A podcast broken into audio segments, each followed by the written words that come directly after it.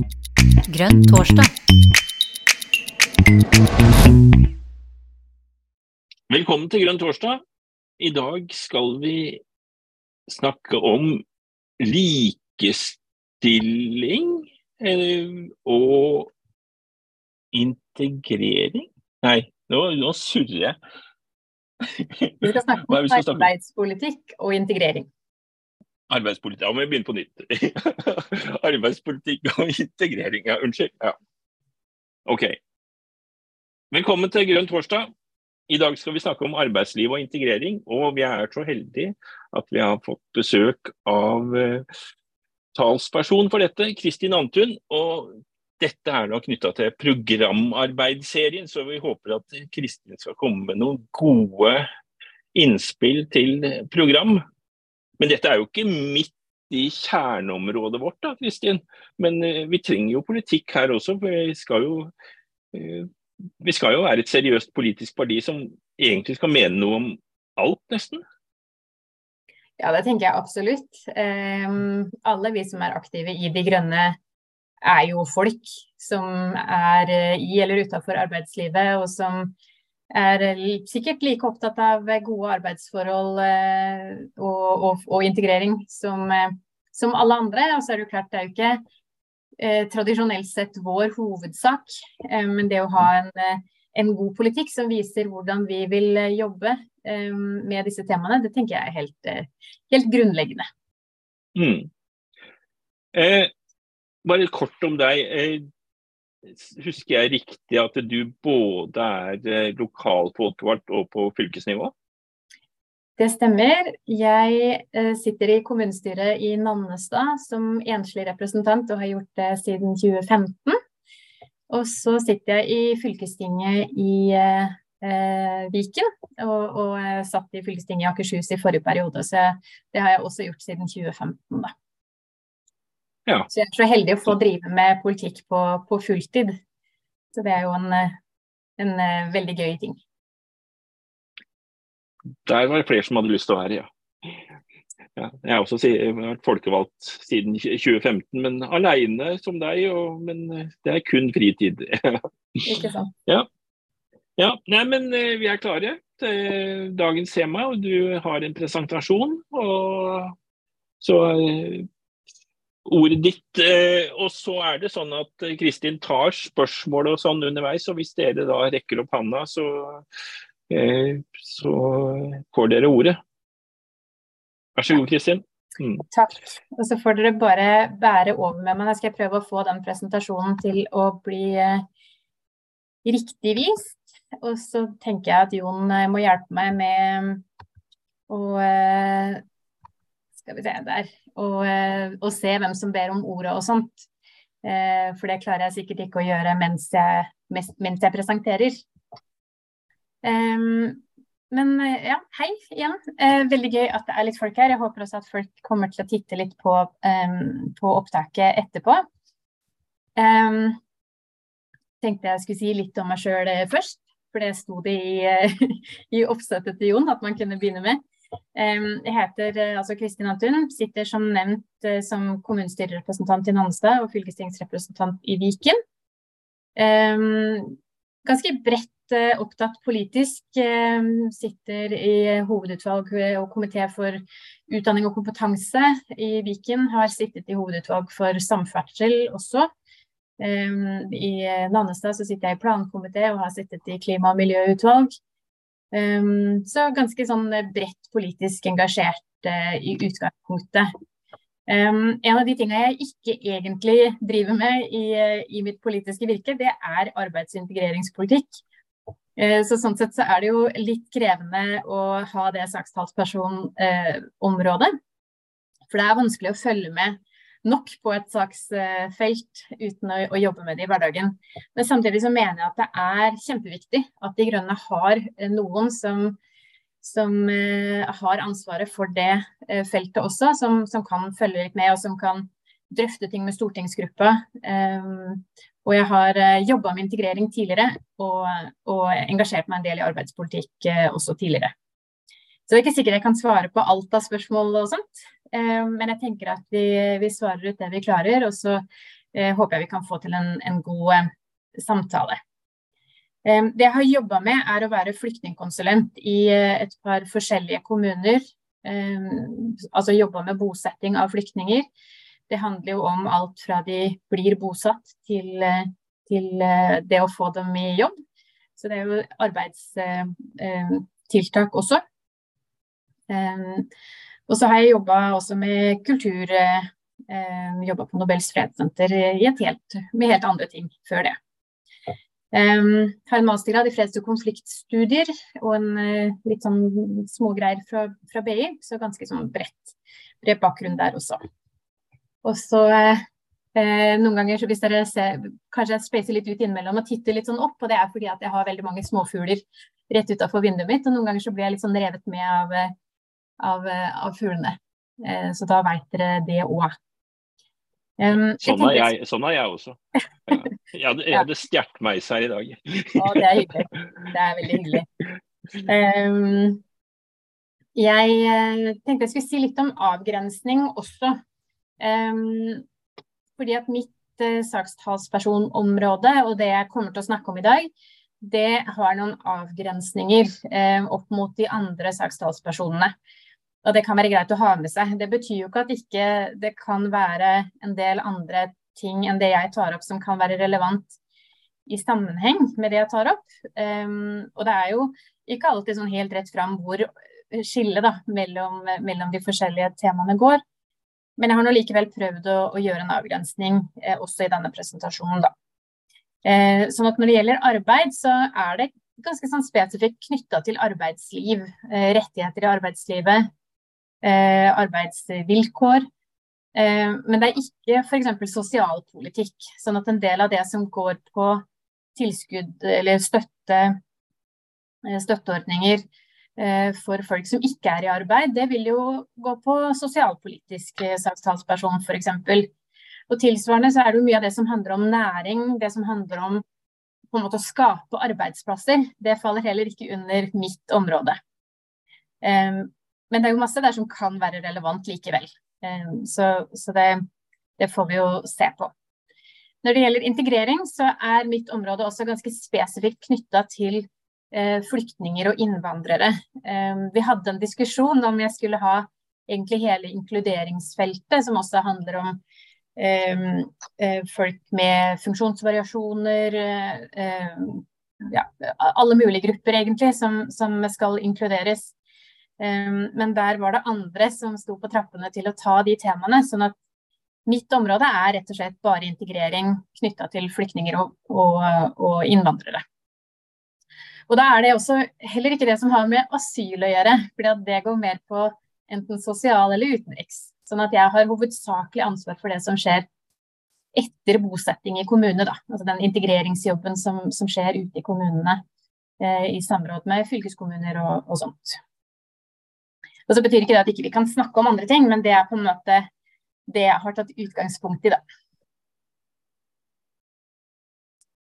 Um, vi kan gå litt videre. Um, tenkte jeg skulle si litt om De grønnes på en måte syn på arbeid og syn på arbeidslivet. Um, det er et felt som jeg innimellom kan synes at det er litt, litt sånn vanskelig å snakke om, fordi at uh, jeg opplever at vi har litt sånn forskjellige strømninger i partiet.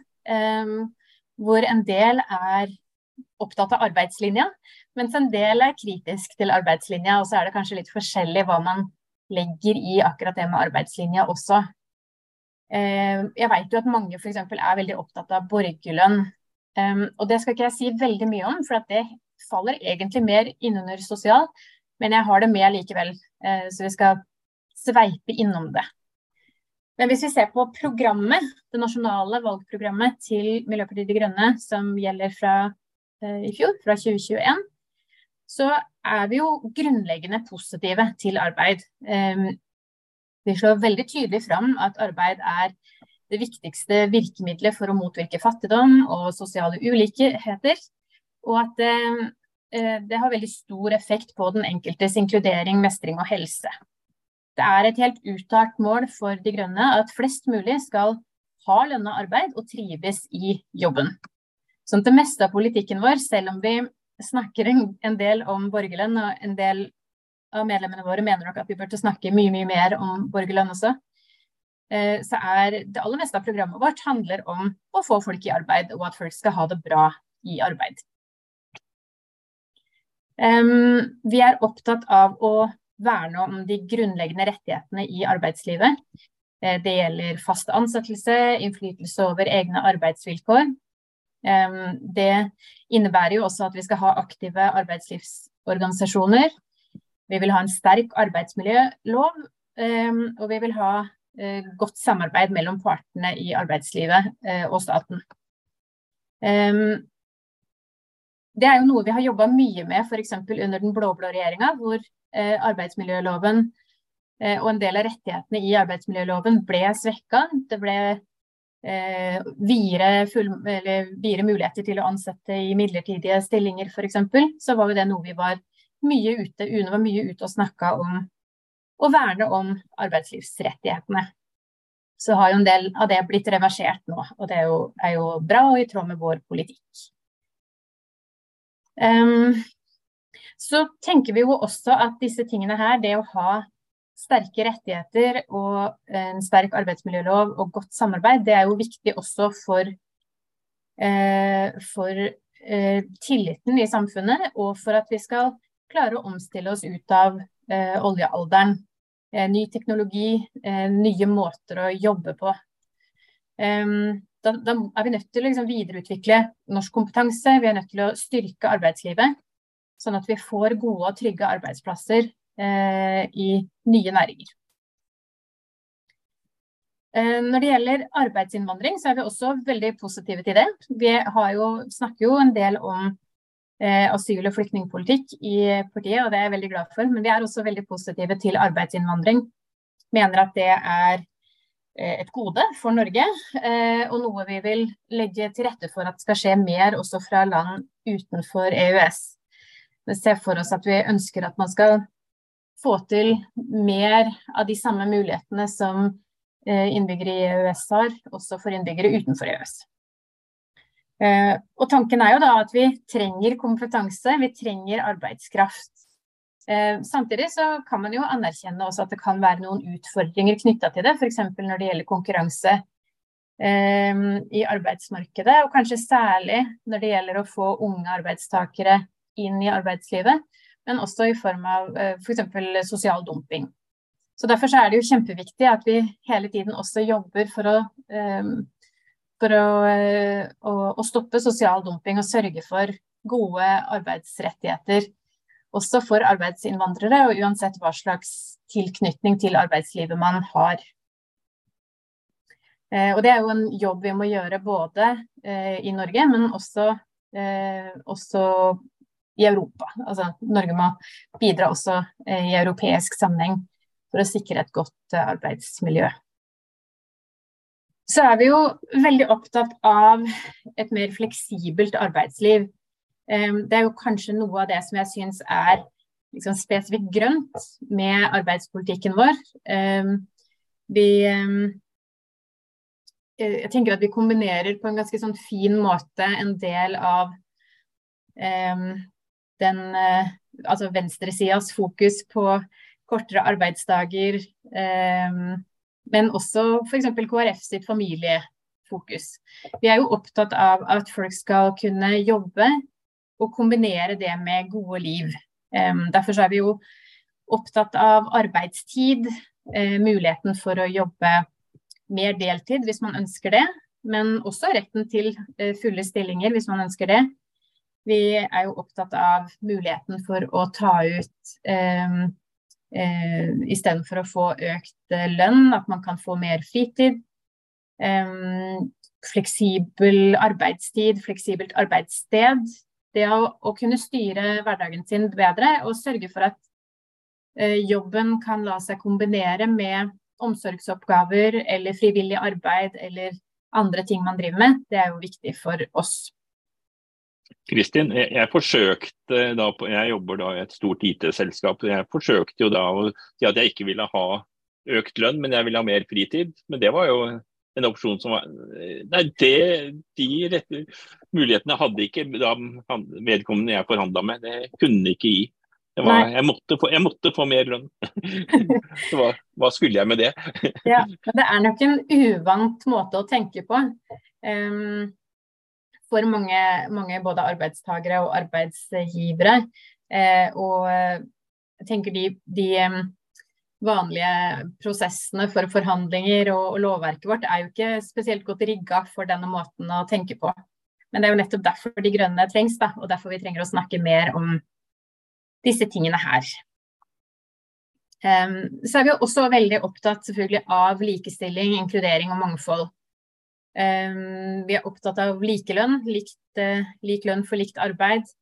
Vi er opptatt av uh, arbeid mot diskriminering, uansett om det handler om mennesker med funksjonsvariasjoner eller ulike bakgrunner. diskriminering av folk med utenlandske navn. Altså, ja, all, all, mulig diskriminering er vi jo opptatt av å jobbe for å bekjempe. Og vi er opptatt av at arbeidslivet skal kunne romme alle mulige mennesker, eh, uansett utgangspunkt. Eh, og der er det ganske mye som skal, som, som skal til for at vi skal få et, eh, et ordentlig inkluderende arbeidsliv. Um, um, men vi tror jo at det å å få alle disse menneskene inn i arbeidslivet vil jo, vil jo gi mye, mye mer. Altså, det vil kanskje koste noe, for noen tilrettelegginger og sånt trengs det kanskje. Men i utgangspunktet så vil jo det mangfoldet gi veldig mye kompetanse, forskjellige måter å tenke på. Og det å, å, å ha folk med er jo mye mer verdifullt enn at folk står utenfor arbeidslivet og, og ikke får brukt evnene og, og kunnskapen og, og engasjementet sitt. Så det er jo også eh, noe mange av punktene våre handler om. Jeg skal komme litt tilbake til forslag til konkrete punkter og, og sånne ting etter hvert. Um, og det blir mesteparten av, av, presentasjonen, tenker jeg. Men jeg tenkte jeg skulle komme med litt introduksjon til integreringsbiten først. Um, da er det jo sånn at De Grønne er igjen grunnleggende positive til Norge som et flerkulturelt og multireligiøst samfunn, og den utviklinga som har vært i Norge de siste tiåra. Ehm, vi tenker at innvandring bringer med seg et mangfold som styrker og beriker landet vårt, uansett om de menneskene kommer uh, til Norge for å jobbe, eller om de kommer som flyktninger fra krig og forfølgelse. Um, så er det klart at uh, hvis vi skal få til god integrering, så må vi samle erfaring, vi må samle kompetanse, og vi må ha et godt samarbeid mellom kommuner, eller mellom det offentlige, da, næringsliv og frivillige. Um, en av de tingene som vi vil gjøre, som kanskje er litt kontroversielt, er jo at vi vil gjøre bosetting av flyktninger til en lovpålagt eh, kommunal oppgave. Eh, I dag så er jo bosetting av flyktninger frivillig. Kommunene kan bare si nei hvis ikke de har lyst til å gjøre det. Uh, uansett hva grunnen er. De trenger ikke å gi noen grunn engang, de kan bare si nei. Mens De Grønne ønsker jo at bosetting av flyktninger skal være en lovpålagt kommunal oppgave. Og så vil vi heller på en måte åpne for at kommuner i enkeltår, enkelttilfeller, eh, hvor det er godt begrunna, kan be om, om, fritak eller be om å bli skjerma for den oppgaven akkurat da. Men i utgangspunktet så mener vi at dette er en helt vanlig ordinær oppgave på samme måte som å tilby barnehageplasser eller skoleplasser eller sykehjemsplasser. Det tror jeg kanskje vi er det eneste partiet som mener, eh, og litt kontroversielt er det, men, men jeg tror at det er en viktig nøkkel til å få en mer effektiv og god bosetting av flyktninger. Kristin, eh, jeg bor jo i Løten, og her, her ja, jeg tror vi bosatte over 50 flyktninger i fjor, og vi ønska flere i år. Og vi har fått eh, da tilbud om året. og det er, det er, jo egentlig bare jubel i kommunen, for det er jo den der økonomigreia med vekst og sånn som da er drivende her nå. Mm. Jeg er liksom litt overraska over at det er kommuner som sier nei, men det er kanskje de store kommunene som sier nei, eller jeg vet ikke hvordan det er på nasjonalt plan. Nei, altså skal man være litt forsiktig kanskje med å, å, å uh, påstå ting, men min, mitt inntrykk er jo at eh, bosetting av flyktninger eh, i 2022 har gått på mange måter mye lettere enn bosetting av flyktninger har gått før. Rett og slett fordi vi står midt oppi en krig i Europa. Det er alvorlig. Jeg tror veldig mange kjenner på Eh, et sterkt ønske om å bidra. Eh, og så kommer det jo mange flere. Eh, de aller fleste kommuner har jo blitt bedt om å bosette vanvittig mye mer eller flere folk enn de har pleid å bli tidligere. Vi har jo hatt noen år med ganske lave ankomsttall egentlig etter flyktningkrisa. Det har ikke vært noe færre flyktninger i verden, men det er færre som har kommet på egen kjøl til Norge. Sånn at Eh, mitt inntrykk er at bosettinga har, fikk, eh, fikk, vind i seila eh, når vi sto oppe i en krig, og, og det er jo bra. Samtidig så, så um, har det jo vært en del utfordringer, og det er en del kommuner som ikke har ønska å bosette flyktninger. Og så har jo eh, den forrige regjeringa hadde jo sine tanker om hva, hvilke kommuner som skulle få lov til å bosette, f.eks. Um, en del kommuner som hadde gode Eh, gode eh, erfaringer med og, og god, god, struktur på bosettinga, fikk ikke lenger lov fordi at eh, regjeringa mente at det var for små kommuner, f.eks. Mm. Uh, og så er det jo klart at du for at det, uh, det er jo mange kommuner som trenger innbyggere.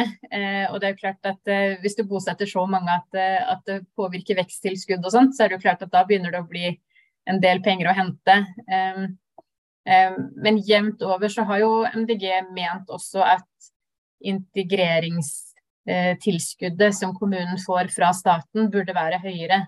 Rett og slett fordi at, eh, eh, at, at man skal gjøre det til en ja, det, det, skal være mulig å gjøre for kommunene da, uten at, at det tapper kommunekassa. Nettopp fordi at da risikerer vi at kommuner sier nei. Men det er veldig hyggelig å høre om eh, alle de flyktningene som har blitt bosatt nå det siste året. Og, og, og jeg, tror, jeg, håper jo at mye av det vi lærer nå, eh, f.eks. når det gjelder å få tak i boliger, da, eh, at, vi, at, vi, holder på det. Sånn at eh, når Vi får jo håpe at eh, krigen i Ukraina eh, ikke varer eh, altfor lenge. Eh, og at at uh, kommunene kan ta med seg de erfaringene og bosette flyktninger eh, andre, fra andre steder også. Vi de gjør jo det fortsatt, selvfølgelig, men, men, det har jo vært tradisjonelt litt tyngre. Um, så er det jo klart, du har jo et poeng i at hvis kommunene bosetter godt nok og raskt nok, så er det jo ikke nødvendig å, å legge den oppgaven som en lovpålagt oppgave heller. For det er klart at det viktigste er jo at det fungerer. Men uh, vi har jo hatt utfordringer med at folk, uh, flyktninger, har sittet veldig, veldig lenge i mottak. Og vi vet jo også at det er noen flyktninger som er vanskeligere å bosette, fordi kommunen, altså ingen kommuner vil ta dem imot. Hvis de, F.eks. hvis man er redd for at de um, vil være for vanskelig å integrere. Da. Altså F.eks. Hvis, hvis de har store spesielle behov. Da. Eh, men alle mennesker fortjener jo å komme seg ut i en kommune og, og, og kunne starte livet sitt, og ikke være sittende på mottak. Um, så er det jo også en, en, et stort skille mellom kommuner med og uten flyktningmottak. Nå tenker jeg på sånn programarbeid igjen. Um, det er jo ikke uh, det er jo, De fleste kommuner har jo ikke mottak, og så er det mange kommuner som har det. Um, og selv om jeg stort sett jobber med eh, integrering, altså sånn politisk her, da, eh, integrering av flyktninger som allerede er bosatt, så er det jo klart at i de kommunene hvor vi har flyktningmottak, så har jo kommunen mulighet også til å bidra med mye integrering også før bosetting. F.eks. For i form av det å eh, sørge for nok barnehageplasser, det å sørge for å få ungene raskt nok ut i skole. Eh, elever, altså alle barn som oppholder seg i Norge i skolealder, og som, eh, som, som, skal oppholde seg eh, mer enn tre måneder, har jo rett på skoleplass. Eh, men det å sørge for at det fungerer, det er jo kjempeviktig. Og det å sørge for møteplasser og norskopplæring også til beboere i, i flyktningmottak, er jo en kjempeviktig og god måte å starte integreringsarbeidet på. Det vil jo ikke være relevant for alle kommuner, men det vil være relevant for mange lokallag sine programmer. Da tenker jeg at vi kan begynne på disse punktene som jeg har satt opp, eh, satt opp som forslag, som jeg tenker er litt sånn hoveddelen av, eh, av presentasjonen. Um, skal vi se, jeg må bare flytte litt på dere, så jeg ser sjøl hvilke punkter som står der. Um, jeg har prøvd, altså, jeg, eh, Det er ganske mange punkter jeg har satt opp. Og dette er jo ikke spesielt godt egnet til eh, liksom, powerpoint-skjerm. Eh, for det blir jo en del tekst, men i og med at det er programpunkter som skal kunne brukes i programmer, så syns jeg det var viktigere på en måte å få laga en liste enn at det skulle være pedagogisk på skjerm. Men jeg tenkte vi kan snakke oss gjennom det. Um, jeg har prøvd å dele det litt inn, i hvert fall det på arbeid, for der er det ganske mange punkter, så man får velge å vrake litt eh, på, på hva man syns er mest relevant der hvor man eh, bor. Um, men jeg tenker at det er jo veldig relevant å si noe om arbeidstid. Um, og jeg tenker i hvert fall sjøl, og, og, det syns jeg programmet vårt også, også, er tydelig på, at det er viktig at vi har punkter som sier noe om at vi vil avskaffe både ufrivillig heltid og ufrivillig deltid. Jevnt over så er jo særlig eh, venstresida i norsk politikk er jo veldig opptatt av ufrivillig deltid. Og Det er jo ikke noe tvil om at det er en, eh, et kjempestort problem for dem som ikke får mulighet til å jobbe fullt, som ønsker det. Og det er klart det får jo eh, store konsekvenser for resten av livet, pensjonstida og, og alt. Så eh, det å, å, å, sikre folk hele, fulle stillinger, eh, det, det, tenker jeg er viktig å ha i programmene våre. Som arbeidsgiver så jo, har jo kommunen et stort ansvar for å sørge for det. Og vi vet jo at det er veldig mange, kanskje særlig helse- og omsorgssektoren, som, som, har, eh, som tilbys veldig små og vanskelige stillingsprosenter. Og det bør vi være tydelige på.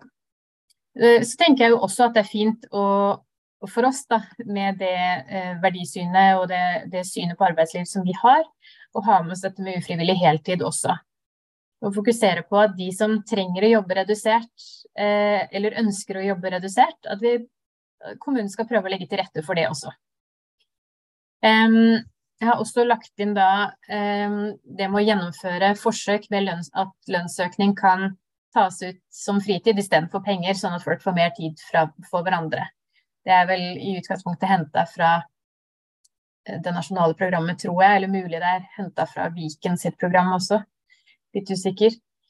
Men, um, men, det er jo det som Jon snakka om at han prøvde å få til med sin arbeidsgiver, og som, som det foreløpig er vanskelig å få til. Men det er jo klart kommunene kan jo eh, gå foran og, og, og, gjennomføre forsøk for å, å teste ut dette her. Det som jeg tenker da, er at det kan jo være, hvis man skal ha det, altså lønnsøkning eh, istedenfor penger, så er det jo kjempeviktig da at vi passer på at det ikke ender med reduserte stillinger, for da får man jo problemer med pensjon igjen. Sånn at det her handler jo om å få redusert arbeidstid i full stilling. Mulighet til å jobbe redusert for den som ønsker det, det henger jo sammen med det med ufrivillig eh, heltid. Um, at fylkeskommunen, eller kommunen, jeg bruker fylkeskommunen og kommune litt om hverandre her, men, men, det spiller jo for så vidt ikke noen rolle. Alt må jo uansett tilpasses der hvor dere lokalt eh, jobber. Men at, eh, at, kommunen skal legge til rette for en fleksibel arbeidstid når det er mulig og ønskelig for begge parter. Eh, det å si at det er jo ikke sikkert det er viktig at alle jobber akkurat i kjernetida.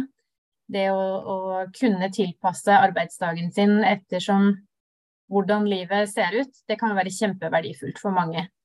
Skilte foreldre som kanskje har lyst til å jobbe ekstra de ukene de ikke har barna, og, og eh, litt mindre når de har barna.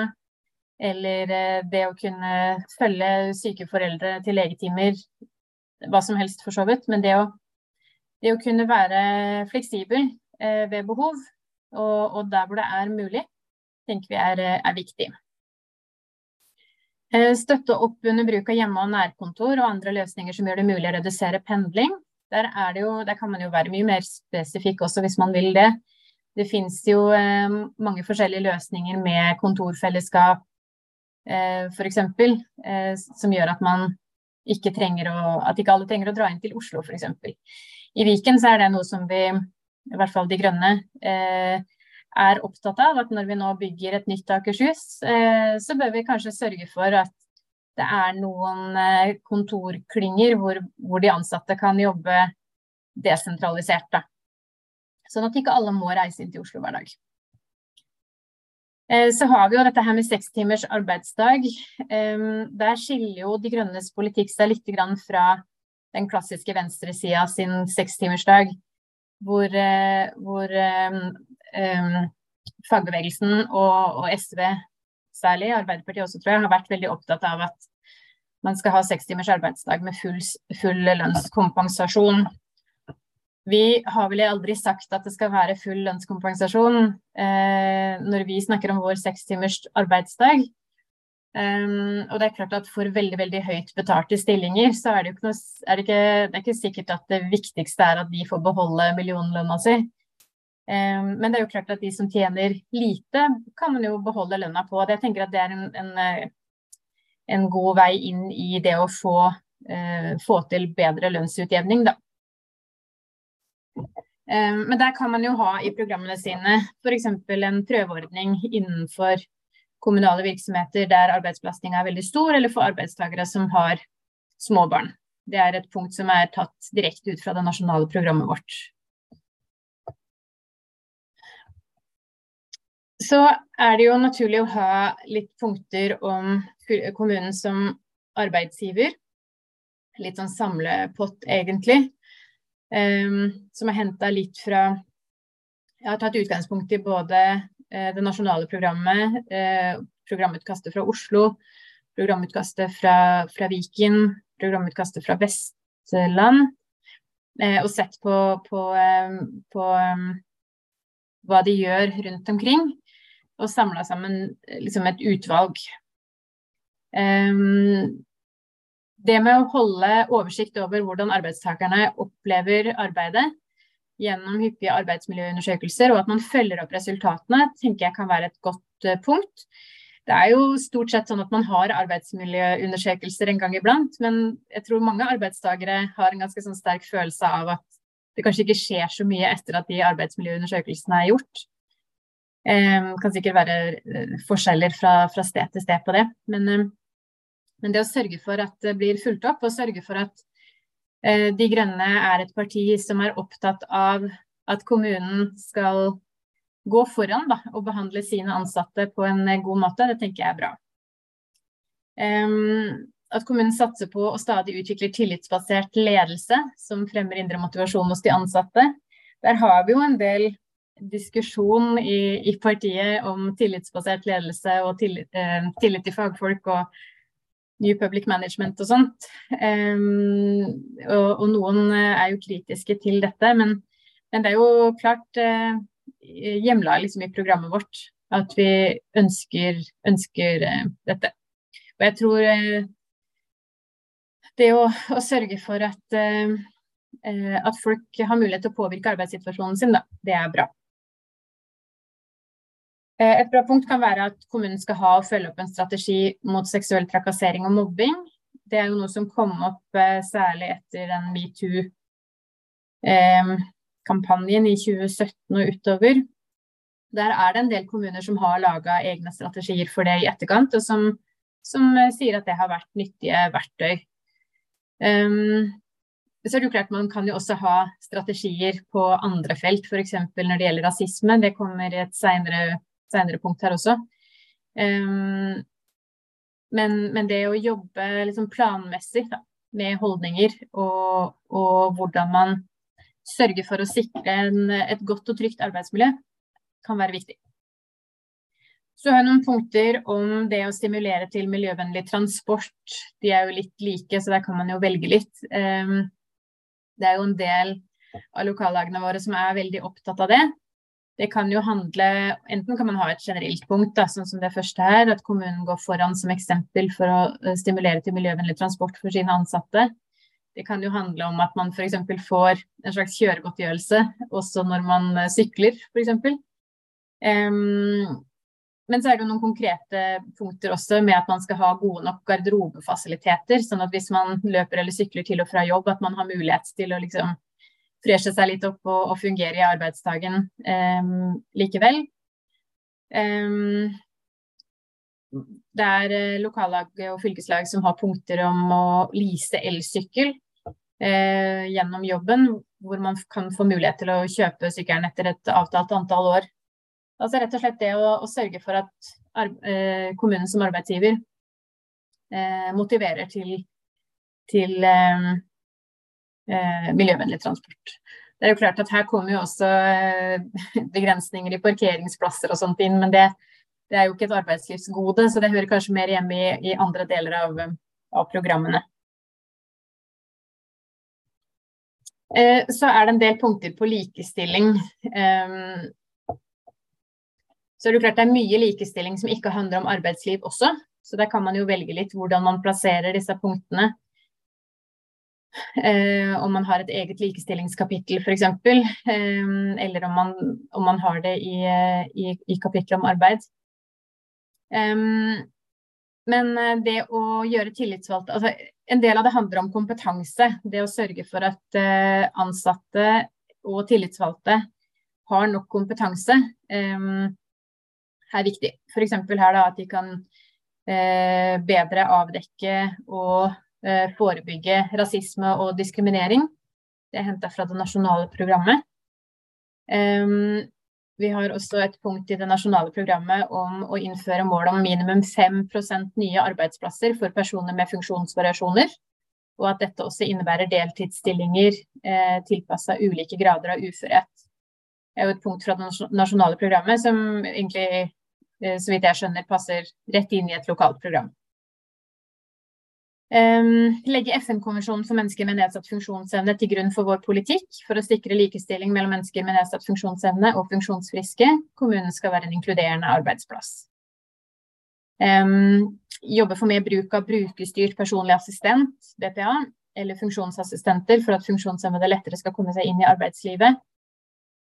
Um, at kommunen støtter opp om initiativ for et inkluderende arbeidsliv og selv tilbyr praksisplasser og ansettelser til mennesker som har utfordringer med å komme seg inn i arbeidsmarkedet. Det her er vel punkter som kom fra, fra Likestillingssenteret, tror jeg. Som, eh, som, har, eh, som, de har foreslått at partiene legger inn. Eh, jeg tenker at det å ha en god politikk på dette her med å inkludere mennesker med funksjonsvariasjoner, det tror jeg er kjempeviktig. Der har jo vi et veldig godt nasjonalt program, og det er et, et, eh, et område som har fått veldig god mottagelse blant, eh, fra organisasjoner som jobber med dette her. Så det tenker jeg er viktig at vi også lokalt følger opp i de lokale programmene våre. Eh, og det er klart at det er, handler jo om store ressurser, menneskelige ressurser, som vi bør sørge for å bruke. Og det er også en, en, en, en viktig del av, av, det å sørge for at alle får glede av å være i arbeidslivet. Ehm, så er det jo dette her med likelønn eh, og mangfold i arbeidsstokken, og at det bør være klare og forpliktende mål eh, kommunen har. F.eks. at man har en bemanningsstrategi da, som har likelønn og, og, mangfold i arbeidsstokken som klare og forpliktende mål, og at det skal rapporteres eh, årlig om. Sånn at man eh, politisk kan følge opp da, om det faktisk skjer noe, eller om det bare er fine ord. I det nasjonale programmet så har vi et punkt om at det bør innføres stillingssøknader uten navn på søknader, eller på, på søker. Og at det bør være normen i ansettelser. Det er jo et punkt som er litt sånn kontroversielt eh, eh, i den forstand at man eh, Man har jo prøvd det litt, og, og det er litt sånn ulike meninger om det funker eller ikke. Eh, men det er jo et programpunkt som, som kan tas rett inn i et lokalt program, i hvert fall. Um, så er det noen punkter også fra Likestillingssenteret her. Um, kompetanseheving innen likestilling uh, tenker jeg er viktig. Um, det å sikre at kommuner uh, kan jobbe aktivt og målretta planmessig med likestilling. Um, det her er jo litt generelle punkter. Uh, man kan jo se på om man om det passer å ha generelle punkter, eller om man ønsker å gjøre det mer spesifikt i, i de kommunene man, man, eh, skal lage program for. Eh, men også det å utvikle en handlingsplan for hvordan man håndterer rasisme i skolen og på arbeidsplassene. Det er jo litt sånn i sammenheng også med det å ha en handlingsplan mot uh, seksuell trakassering, f.eks. Um, kan man jo være litt skeptisk til hvor mange handlingsplaner man skal ha, men det er jo klart at det å lage en handlingsplan og, og sørge for å ha et sånn konkret verktøy, vil jo være veldig bevisstgjørende. Eh, og kanskje er det det som skal til da, for at man tar de grepene som man trenger for å sørge for at det blir eh, gode arbeidsmiljøer. Um, foreslå likestilt arbeidsliv som en måte kommunen eller fylkeskommunen kan arbeide systematisk med likestilling. Gjerne også oppfordre andre virksomheter i Eh, i kommunen også, altså private virksomheter. Det er også et eh, tips fra Likestillingssenteret. Eh, og så har FHO, nei, FFO, som jobber med inkludering av mennesker med funksjonsvariasjoner, et punkt hvor de ønsker at man skal ha inn at man arbeidsbygg og IKT-systemer skal være universelt utforma. Det kan jeg jo si at F.eks. i Viken så vet vi jo det at det er jo data, det er nettsidene, alt det digitale, eh, som det er egentlig eh, dårligst universelt utforma i Viken. Så det å hele tiden ha fokus på både byggene, men også det digitale, er, er kjempeviktig. Og at kommunen bør ha en rekrutteringsstrategi for mennesker med funksjonsnedsettelse. Um, og at minst 5% av de nyansatte eh, skal ha funksjonsnedsettelse eller hull i CV-en det passer jo også inn med det punktet vi hadde fra det nasjonale programmet litt i starten. Så er det jo, eh, tenker jeg, kjempeviktig at vi ser på kommunen også som oppdragsgiver. Fordi eh, kommunen kan jo styre eh, sine egne arbeidsforhold. Men vi kan jo også gjennom anbudene våre sørge for å påvirke private bedrifter som vi handler fra. Sånn at det å ha noen punkter i programmet som sier noe om at det skal stilles krav i anbud om både faste ansettelser, faglærte eh, håndverkere, lærlinger. Um, færre ledd med underleverandører vil antagelig gjøre det mye lettere å passe på at det er si, forsvarlige arbeidsforhold. Og det kan være andre krav også om åpenhet og innsyn. Um, det tror jeg er en, en, kjempeviktig måte kommunene og fylkeskommunene kan jobbe med å, å, å sikre bedre arbeidsforhold også utenfor sine egne virksomheter. Um, en annen måte å gjøre det på er å si at vi skal stille de samme kravene til leverandørene sine som de uh, stiller til seg sjøl når, når, vi sjøl ansetter. Kristin, vet du om det er noen begrensninger på hva man kan stille av krav? Er det sånn at vi egentlig kan kreve hva som helst. litt spissformulert, det da. Ja. Altså, Lov om offentlige ansettelser er jo, um, er jo uh, litt begrensende. og En del av oss har jo f.eks. prøvd å legge inn at man skal ha krav om, uh, om altså, Vi prøver å legge opp anbudene våre sånn at vi skal kunne bruke lokale leverandører. da. Uh, og Da får mm. man jo gjerne beskjed av, av juristene at det er konkurransevridende, så det er ikke lov. Når det gjelder dette her med eh, krav om faste ansettelser og, og eh, arbeidsvilkår, så har jeg ikke vært borti eh, at det ikke er lov. Ehm, det er klart dette med underleverandører og sånt kan være kan være komplisert å få til, men både Oslo kommune og Viken fylkeskommune jobber jo med eh, Oslo-modellen som de har i Oslo, og Viken-modellen som vi har i Viken, som handler om nettopp eh, disse tingene her. Så jeg tror vi har ganske gode muligheter, men det er jo alltid lurt å jobbe på lag med juristene for å sørge for at man gjør det på riktig måte, da. Eh, og så tror jeg nok ikke man kan kreve hva som helst, nei, for å svare på det litt formulerte spør eh, spørsmålet. Men eh, det, er, det er gode muligheter til å bruke anbudsprosessene til kommunene til å og, og kreve eh, ordentlige arbeidsforhold. Mm. Jeg er jo også der med, som du var innom, lokale det å kunne bruke mer lokale folk. da. Så, Ja. så det er vel noen utfordringer der også. Mm. Absolutt. Og jeg tror jo at eh, vi må fortsette å mase på stortingsgruppa om at de skal jobbe for å få eh, endra lov om offentlige anskaffelser litt, sånn at vi kan, eh, kan få til mer bruk av lokale leverandører. Og, og det med å kunne dele opp anbud mye mer, f.eks. Sånn at vi kan få brukt Mm. at, at mindre lokale selskaper har mulighet til å delta. da.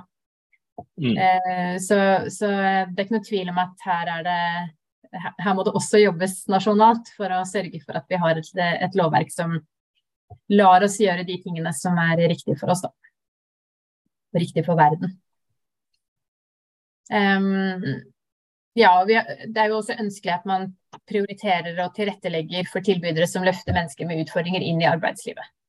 Altså hvis man kan få til at man, når man lager avtaler, at man eh, at man kan få lov til å legge vekt på også i anbudet om, eh, om de eh, f.eks. prioriterer arbeidstakere med hull i CV-en eller, eller andre utfordringer. Da.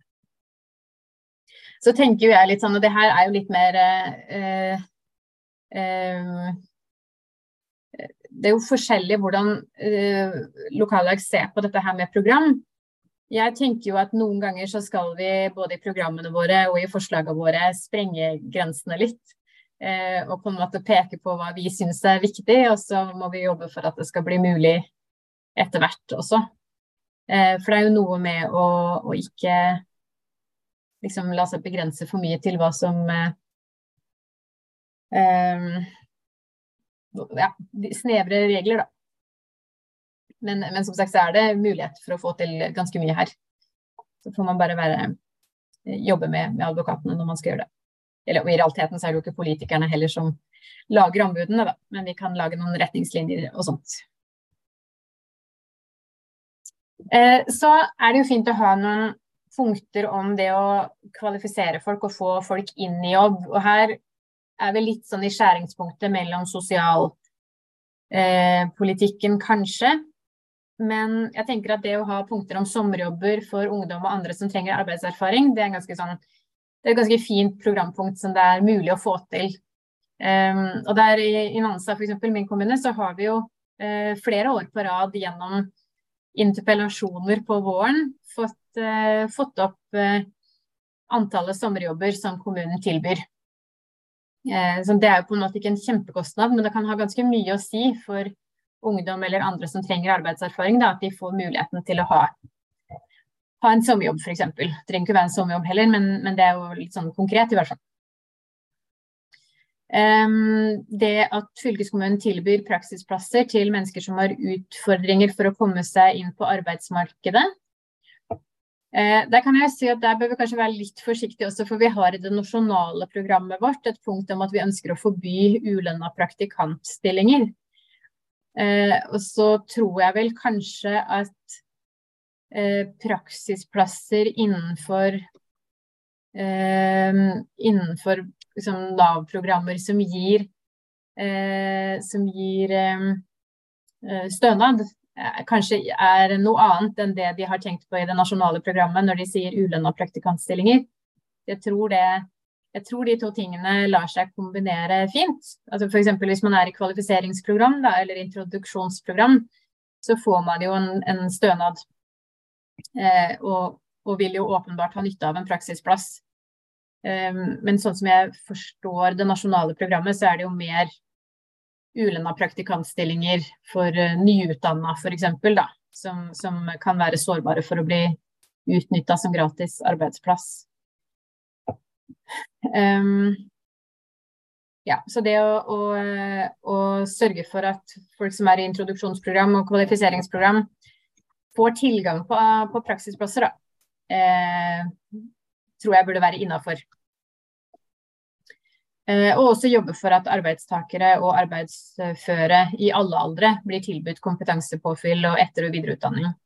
Det er jo viktig sånn, med tanke på det grønne skiftet, men men det er jo også viktig for å sørge for at flest mulig kan få bli i arbeidslivet. Det er jo gjerne sånn at livet og helsa og mye annet forandrer seg litt eh, i tida fra man tar utdanning og til man går ut av arbeidslivet. Så mange vil jo ha behov for eh, å justere kursen og, og få, få påfyll av kompetanse. Eh, og så er det jo mulig at man legger inn et punkt om, eh, om grunninntekt eller borgerlønn. Eh, det er jo litt sånn delte meninger i, i partiet om borgerlønn. Um, mange er kjempeopptatt av det. Det vi har i, i, i programmet, er jo liksom å utrede muligheter for å, å støtte forsøk med. Eh, vi har ikke noe politikk på å innføre borgerlønn. Um, men det er jo klart at det er noe man kan gjøre lokalt også. Jeg um, tror at det er lokallag og fylkeslag som har uh, fått vedtatt noen utredninger lokalt med forsøk om, om borgerlønn.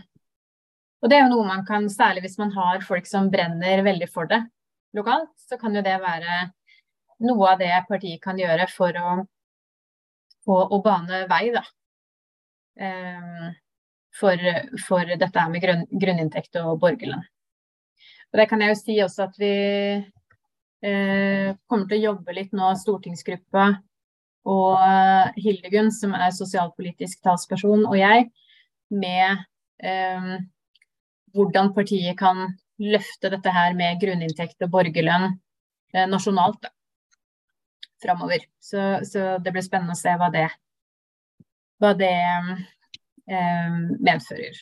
Og så håper jeg, uansett hvordan disse programmene blir seende ut til slutt, da, at vi klarer å balansere godt både dette her med å være positive til å få folk i arbeid, Um, og at det å være i arbeid er positivt for folk.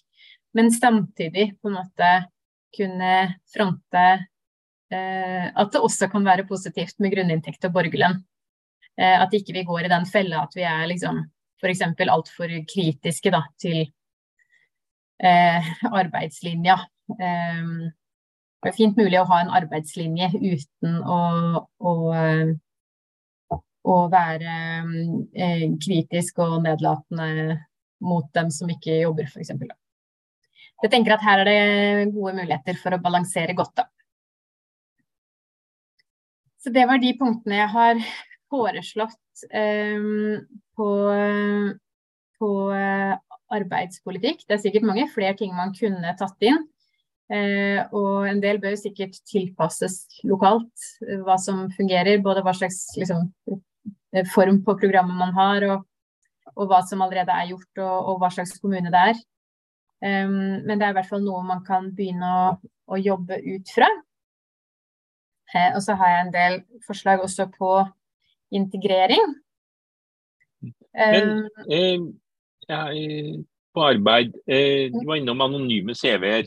Og så mm. sa du at det var litt eh, hva, delte oppfatninger om det funka. Eh, jeg, vet du noe mer om det, eller? Altså det, jeg syns jo det er rart om ikke det faktisk funker. Men det er vel, nå sitter ikke jeg og sorterer CV-er.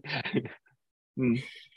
Nei, jeg har, må jo også innrømme at jeg har litt vanskelig for å, å skjønne at det ikke skulle fungere. For vi vet jo mm. det at én uh, ting er, en ting er uh, folk med utenlandske navn f.eks., som ganske åpenbart blir diskriminert. Men det kan jo være så enkelt som forskjell på mann og kvinne også. Man har jo gjort mange forsøk som viser at du kan ha to identiske CV-er, og så har én et kvinnenavn og én et mannenavn. Eh, og, så, eh, og så eh, er det sånn at både kvinner og menn vurderer mannen til å være bedre kvalifisert enn kvinnen, selv om CV-ene er identiske. Um, og vi vet jo at veldig mange med innvandrerbakgrunn og, og utenlandske navn sliter med å bli kalt inn på intervju. Så jeg har også veldig vanskelig for å skjønne at ikke det skulle uh, fungere. Mm. Uh, så, og jeg har ikke um, jeg har ikke inngående kunnskap til, til um, om liksom resultatene, men det jeg vet er at uh, det ble gjort et forsøk i staten Eh, for relativt kort tid siden. Jeg tror den ble eh, fullført sånn, eller konkludert på sånn rundt eh, Altså på vårparten i 2021, tror jeg. Eh, og der skriver de i hvert fall at de, de kan ikke konkludere med at det virker. Eh, så det kan jo hende at man bare trenger mer informasjon, rett og slett. Ja. De sier vel noe sånt som at det viser en beskjeden effekt, da.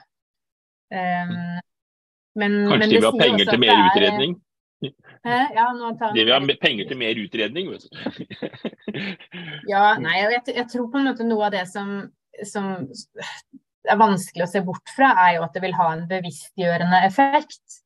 Um, og så er det jo også sånn at uh, fordi at det har vært gjort sånne forsøk, så, uh, så har man jo allerede uh, verktøyene tilgjengelig. Sånn at egentlig så det, skal det ikke så mye til for virksomheter kommunale virksomheter eller statlige virksomheter til å, å begynne å gjøre dette.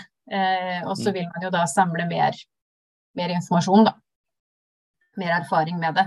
Jeg tror kanskje ikke det er mer utredninger vi trenger, men det å prøve det ut og se, se effektene med, med, litt større tall og litt, over litt eh, større tid, så, så ja, tenker jeg det er bra. Noe av det som jeg tror at ble påpekt som noe negativt, var at de opplevde anonymiseringa som tidkrevende, og, og, at det ble lite effektivt og, og mye merarbeid.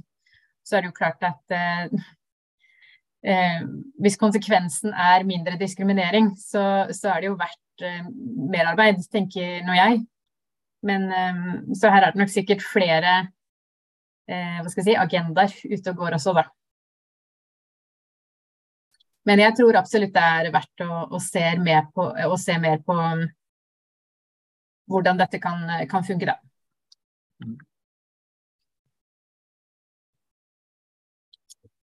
Yeah. Skal vi se litt på integreringspunkter.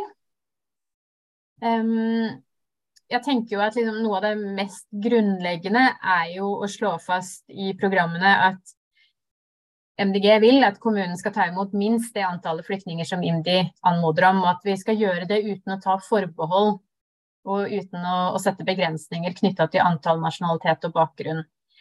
Um, det er jo en del kommuner, i hvert fall før, før Ukraina-krigen, eh, som har eh, f.eks. valgt å bosette mange færre enn eh, en det IMDi har bedt om veldig typisk er jo også at man sier at man kan bosette inntil ti, da, f.eks. For, for å si et lavt tall som er typisk i min kommune.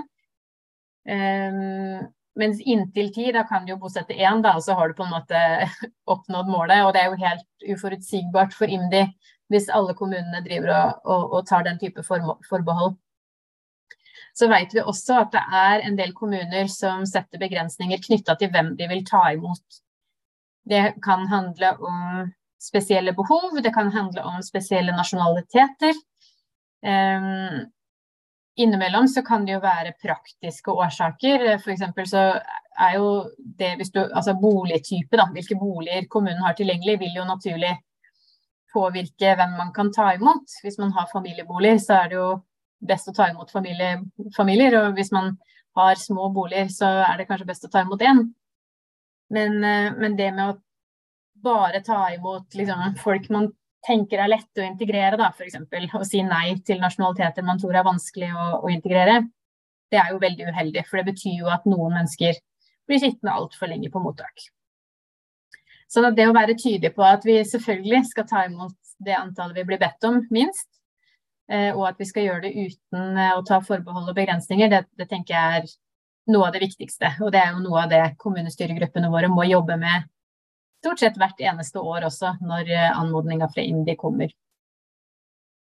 et annet punkt som er egentlig litt sånn Det handler egentlig om det som skjer før bosetting.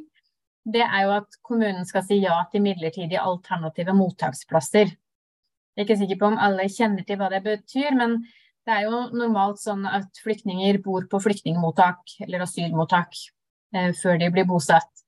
Men de har jo muligheten til å bo f.eks. privat eller leie seg en bolig istedenfor å bo på flyktningmottak. Men i utgangspunktet så mister de da retten til støtte. Mens hvis kommunen og UDI godkjenner en midlertidig alternativ mottaksplass, så vil eh, flyktningen kunne eh, bo enten hos venner f.eks. eller i leid bolig, men likevel få den støtten som de fleste er avhengige av. da. og det er det NOAS, Norsk organisasjon for asylsøkere, som har spilt inn til MDG og til de andre partiene at, at vi bør ha inn i programmene våre, så vi kan legge, legge press på kommunene. Og Der ser vi jo at særlig en del av ukrainerne som kommer, bruker sånne midlertidige alternative mottaksplasser. Og det kan jo være veldig bra det for folk. Eh, det er jo ikke sånn at det nødvendigvis er så bra for folk å være på flyktningmottak. Sånn at hvis man har mulighet til å bo hos familie f.eks., uten at man mister muligheten til å få eh, den relativt beskjedne økonomiske støtten som man får, da. Det er jo viktig. Um, Skape møteplasser i samarbeid med frivilligheten. Der, det er jo klart, det er jo et sånt punkt som man kan formulere på mange forskjellige måter. Eh, det kan jo være at man skal ha liksom, kvinnekafé sammen med Sanitetsforeninga. Eh, eh, det kan være språkkafé, det kan være leksehjelp.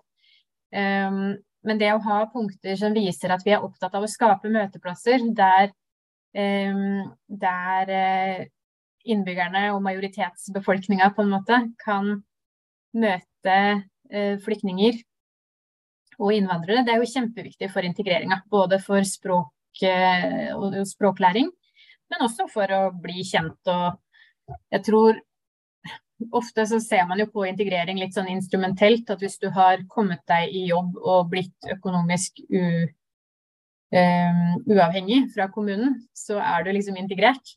Men jeg tror de fleste av oss er enige om at, um, at egentlig så handler det jo også om å ha et sosialt nettverk um, og kunne fungere også utenfor jobb, da. Så det å ha sånne møteplasser er jo både viktig for å få folk i jobb, men også viktig for at folk skal trives og bli kjent og, og, eh, og fungere. Eh, litt sånn i forlengelsen av det, videreutvikle samarbeidet mellom kommune, frivillighet og næringsliv. Eh, jeg har skrevet for å skape muligheter. Prøvde å la det være litt åpent, for det kan jo handle om arbeidsplasser eh, og samarbeid knytta til det. Men det kan jo også være knytta til andre ting, f.eks. det å inkludere i idrett eller, eller, eh, eh, eller andre møteplasser. Da. Eh, at kommunen skal ha et flerkulturelt råd på linje med de lovpålagte medvirkningsorganene eh, som er ungdomsråd, eldreråd og råd for mennesker med funksjonsvariasjoner. Det er det jo stadig flere kommuner som har, et flerkulturelt råd, men jeg tror det er veldig mange kommuner som ikke har det også. Um, men som etter hvert har en stadig større innvandrerbefolkning, da. Uh, og det å ha et sånt flerkulturelt råd da vil jo være en god måte å sørge for at også de blir hørt, og at de får muligheten til å påvirke særlig de sakene som er mest aktuelle for dem. Men, men, det er klart i realiteten så er jo alle saker like aktuelle for dem som de er for hvem som helst ellers i kommunen. Ehm, det er viktig å sørge for et godt skoletilbud, både i grunnskole og videregående, eh, for flyktninger og innvandrere. Ehm, der kan man jo løse det ved å ha kombinasjonsklasser eller et innføringsår mellom, eh, mellom grunnskole og, og, videregående. Gjerne da i samarbeid mellom kommune og fylkeskommune. Eh, men det å sørge for eh, god nok morsmålsopplæring eh, og, og, og, god nok opplæring også i de norske fagene, det er jo kjempeviktig. Og noe som det nok slurves ganske mye med mange steder. For særlig kanskje dette her med morsmålsopplæring, som man har lovfesta rett til. Men det er jo klart at i en liten kommune så er det jo i realiteten vanskelig å få til nok morsmålslærere i mange forskjellige språk. Så det er jo en, en utfordring som vi er nødt til å løse. Um, et konkret punkt kan være at det skal finnes minoritetsrådgivere ved skolene eh, eller i kommunen. Det er jo mer aktuelt i noen kommuner enn i andre, men det er jo etter hvert sånn at det er mange eh, med minoritetsbakgrunn også i små kommuner. Um, sørge for at kommunen bruker bilder og illustrasjoner som speiler mangfold i, uh, i befolkninga. Der er det jo Det er vel en viss utvikling, men uh, det er jo likevel fortsatt mange hvis man ser på nettsider og publikasjoner som kommer fra, fra mange kommuner, så er det fortsatt veldig eh, ensformig. Eh, og jeg tror det å eh, kjenne igjen folk som ser ut som seg selv, gjør jo at man føler seg mer, eh, mer hjemme og mer inkludert, og mer som en del av det som skjer. Så det er eh, viktig, og, og, egentlig en ganske sånn lett ting kommunen kan lykkes med, da. Det å sikre at offentlig informasjon fra kommunen er tilgjengelig på flere språk, det koster jo litt mer. Det å ha det tilgjengelig på, eh, på engelsk og, og nynorsk f.eks., eh, eller bokmål for de som bor i, i nynorskkommuner, er jo én ting. En annen ting er jo at en del informasjon kanskje bør være, og særlig det som har med voksenopplæring og, og sånt, bør jo definitivt være tilgjengelig på noen flere språk det er klart Hvis du kommer til Norge og kommer til kommunen, så, så, er du jo avhengig av å forstå informasjonen om hvor du skal henvende deg. Um, det koster jo litt, men, men, det er jo en uh, god måte å hjelpe folk til å bli um, bedre integrert. Så har jeg satt opp noen punkter knytta til kompetanse uh, og årvåkenhet knytta til menneskehandel. mennesker som kan være utsatt for eller være sårbar for å bli utsatt for menneskehandel. Eh, og også kjønnslemlestelse og også negativ sosial kontroll. Det er jo temaer som, som, som kan være vanskelig for kommuner å ta tak i, og særlig kanskje små kommuner som har begrensa med erfaring som flyktningkonsulent så har jeg jo både til dels opplevd sjøl og snakka med en del andre flyktningkonsulenter også som, som forteller om at eh, eh, man har gravide kvinner f.eks., og så viser det seg at aldri noen har spurt dem om de er, eh, om de er eh, omskjært. Og det er klart at det vil jo kunne ha katastrofale eh, konsekvenser eh, hvis en fødsel skjer fort. det med at at eh, barn, ungdom, kvinner blir utsatt for negativ sosial kontroll. Eh, det er selvfølgelig kjempealvorlig, og det krever kompetanse, rett og slett, blant de ansatte som jobber med, med mennesker, da. Det, er klart at de på regnskap trenger kanskje ikke å, å kunne alt om dette, men, men, de som jobber med mennesker som er i, i, i, i grupper hvor dette kan være aktuelt, må ha kompetanse på det. Og, og Eh, NOAS har jo, altså Norsk organisasjon for asylsøkere, har jo eh, vært opptatt av dette også knytta til krigen i Ukraina. At der er det eh, en, en, helt sånn klar risiko for at folk er sårbare for å bli utsatt for menneskehandel. Fordi at det å flykte fra krig er en sånn litt desperat situasjon eh, hvor du på en måte er prisgitt folka du møter. Sånn at, at, her er det viktig å ha god kompetanse i kommunen. Um, så er det disse punktene fra Likestillingssenteret. Det er egentlig de samme som, som i stad. Det med å ha eh, kompetanse og kompetanseheving på likestilling og normer eh, for ansatte. Um, sikre at kommunene gjør det de skal for å arbeide aktivt og målretta og planmessig med likestilling og ikke-diskriminering. Eh, det er jo kjempeviktig. og Jeg har tatt med det her også i, i, i kapitlet om integrering. For det er jo klart at hvis du ikke får jobb, så, så er det jo veldig vanskelig å, å bli integrert. Um, sånn at uh, de punktene tenker jeg er aktuelle i, i begge, uh, begge uh, kapitlene. Så er det flere punkter som Likestillingssenteret har spilt inn her. Mye av det handler om eh, rasisme. Um, og jeg tenker at det er gode punkter som man kan ha inn. Eh, kompetanseheving av lærere, elev, lærling og mobbeombud eh, i det å snakke om rasisme. Og det å få verktøy og et språk for å gjøre det på en god og forståelig måte, tenker jeg er, eh, er kjempeviktig. Um, sikre at undervisning om rasisme også omhandler rasismen sånn som den kommer til uttrykk i dag, ikke bare rasisme sånn knytta til eh, liksom slavetid eller eh, gamle dager. Eh, nulltoleranse for bruk av N-ordet og andre identitetsbaserte skjellsord for skole, eh, elever og skolens ansatte. Og det å utarbeide en handlingsplan for hvordan man håndterer rasisme i skolen og på arbeidsplasser, er jo også punkter som, eh, som eh, kan være gode da, i arbeidet mot rasisme. Og jeg, jeg tenker jo at i de åra som ligger bak oss nå, så har jo rasisme eh, igjen blitt veldig aktualisert. Da. Eh, det, er jo, det, er jo, helt tydelig at det fortsatt foregår mye. Og det å vise at vi er opptatt av det, og eh, er opptatt av hvordan kommunen kan jobbe med det, tenker jeg er viktig.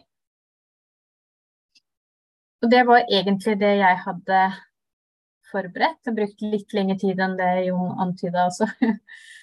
um, jeg håper det er greit. Uh, og så er det som sagt helt sikkert mange flere ting som kan tas inn, når man kan velge ut og omformulere. Um, men, uh, men, det er i hvert fall et utgangspunkt for hvordan man kan få dekka en del grunnleggende ting, i hvert fall. Har du delt dette dokumentet på, i den nasjonale mappa, eller kan vi eh, Ikke enda, men eh, jeg tenkte å gjøre det etter hvert, da. Ja. Vi kunne også delt på Grønn torsdag, da. Så, ja. I tillegg. Mm. Mm. Hvis ikke det er noen hemmelige Nei, nei, nei. Dette tror jeg er eh, tvert imot så er vel det er, jo, flere, jo flere partier og hvem som helst som på en måte tar det i bruk, er det vel bra. Mm. Er det noen som har noen eh, tanker, spørsmål? Jeg ser at dine er satt på kamera i hvert fall. Det er hyggelig å se deg. ja, da Eh, jeg tenkte bare skulle si hei og si at uh, jeg er liksom i sånn prosess legger barn akkurat da. Men ja. uh, som nå går og venter på at jeg skal komme. Men jeg syns det er kjempenyttig og veldig interessant. Altså, vi den, har jo den erfaringen i Færder at vi har bosatt veldig mange ukrainere nå. Og mm. veldig mange som er egenbosatt. Rett og slett fordi at vi har mange ukrainske medarbeidere i landbruket. Som jo da mm. har på en måte et nettverk allerede. Men, eh, men, du minner meg på at det er viktig å sørge for integrering videre også. At det mm. ikke liksom, oppstår liksom, egne, ja, egne samfunn i samfunnet da, som kanskje følger seg litt på sida av. Og det tror jeg kanskje ikke vi er like gode til å tenke på. Så det er et nyttig påminnelse, altså. Ja, det er veldig, jeg tenker det er et kjempeviktig poeng du tar opp der, nå som det kommer så mange fra én gruppe eh, overalt. Mm så er det jo klart at det er jo kjempefordel at de eh, kommer hit og møter folk de kjenner, og folk som kan språket, og folk som kan liksom guide dem inn i det norske samfunnet.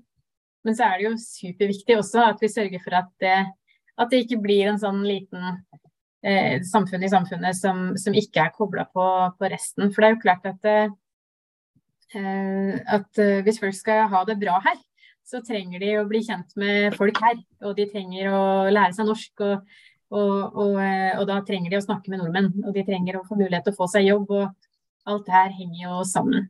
Så det, ja, jeg føler sånn Innledningsvis, idet dette skjedde, så dukka det opp et forslag i kommunestyret hos oss hvor vi skulle ta i bruk de gamle militærforlegningene på Mågerø på Tjøme. Sånn at de kunne bare bo der helt til de skulle hjem igjen. Og da tenker, og da tenker jeg sånn Ja, eller kanskje ikke, rett og slett. Ikke sant. Så, ja. Ja. Ja, det er, og det er jo sikkert godt ment, holdt jeg på å si. Jeg tror de fleste ja. som flykter fra en sånn akutt krig, de ønsker jo å komme hjem så fort som mulig. Mm. Og så veit man jo ikke hvor lang en konflikt blir. Eh, og jeg tenker at det å sørge for at folk har mulighet til å ikke bare ha livet på vent, da, men at de faktisk har mulighet til å leve eh, og, og, og, fortsette livene sine mens de er her. Og så er det helt sikkert en del som blir her over tid. Og så kan det hende det er eh, en del som drar tilbake når muligheten byr seg for det. Men, men jeg, jeg, tror det er veldig lurt å ikke liksom, ja, bare plassere dem i en eh, militærforlegning eller en gammel institusjon eller hva det nå er for noe. Selv om, selv om det sikkert er eh, godt tenkt eller godt ment, så, Ja, det var bare gode, gode intensjoner. Og det, det, det, ble noen fine refleksjoner ut av det. ikke sant? At det på en måte, For mange kom jo med den innstillingen at nei, vi, skal, vi håper innen tre måneder så er vi tilbake igjen. ikke sant? Men uh, vi har jo akkurat vært gjennom en pandemi hvor uh, en generasjon med unger satte livet sitt på vent i to år. Og det har jo ikke hatt heldige konsekvenser for veldig, veldig mange. Så det er jo veldig lett å trekke den parallellen. Altså, det sier jeg jo bare, for jeg vokste opp, eh, opp, på den tida hvor det kom ganske mange fra Bosnia. Ja. Der var det også akkurat den samme tankegangen. ikke sant? Vi skal hjem igjen. Vi, og så gikk det seks måneder, og så gikk det åtte-ni måneder, og så var det på en måte over eh, Ja, da var det liksom fortsatt der. ikke sant. Så ja. Men det, det var kjempenyttig, Kristin. Så tusen takk. Jeg gleder meg til å lese videre og ta det opp eh, i programkomiteen hos oss. Og så må jeg bare si takk for i dag. Ja. God legging. Jeg skal legge bra. Vi snakkes. Ha det. Ha det.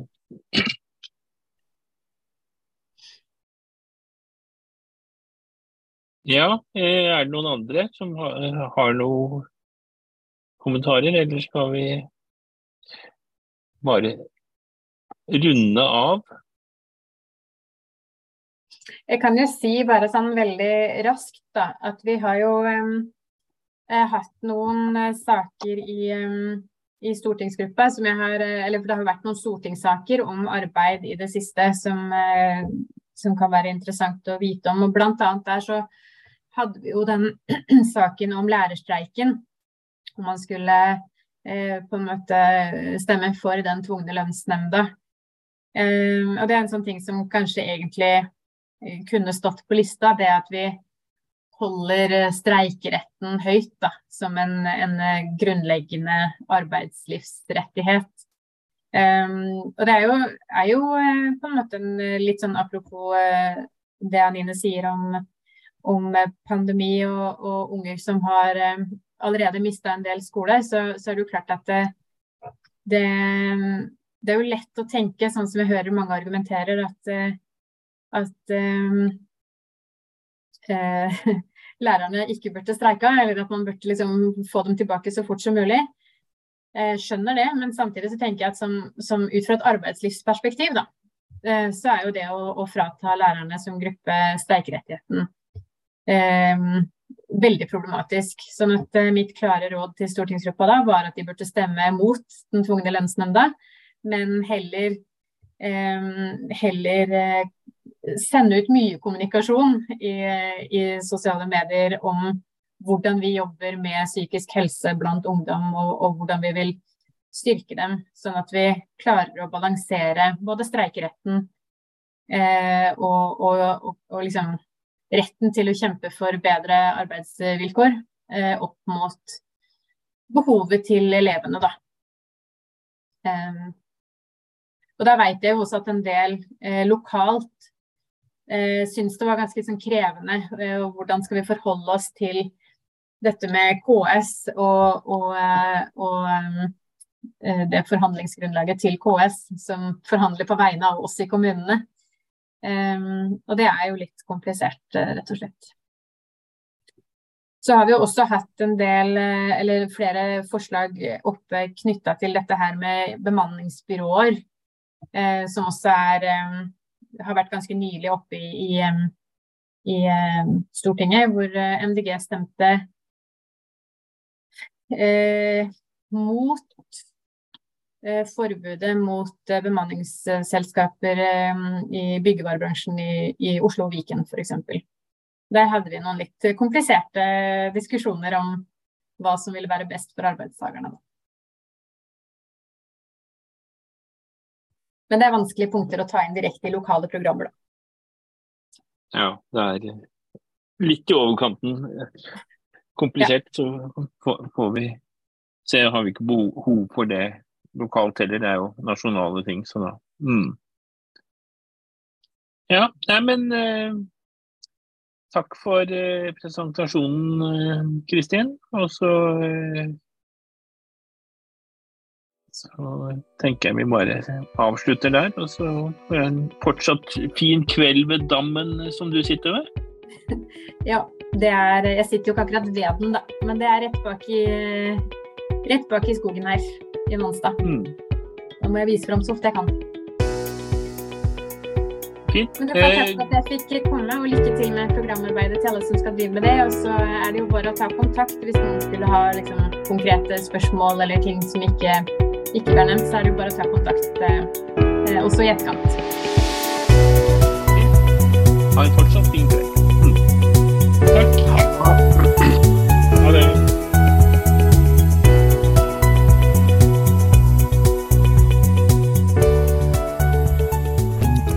Grønn torsdag.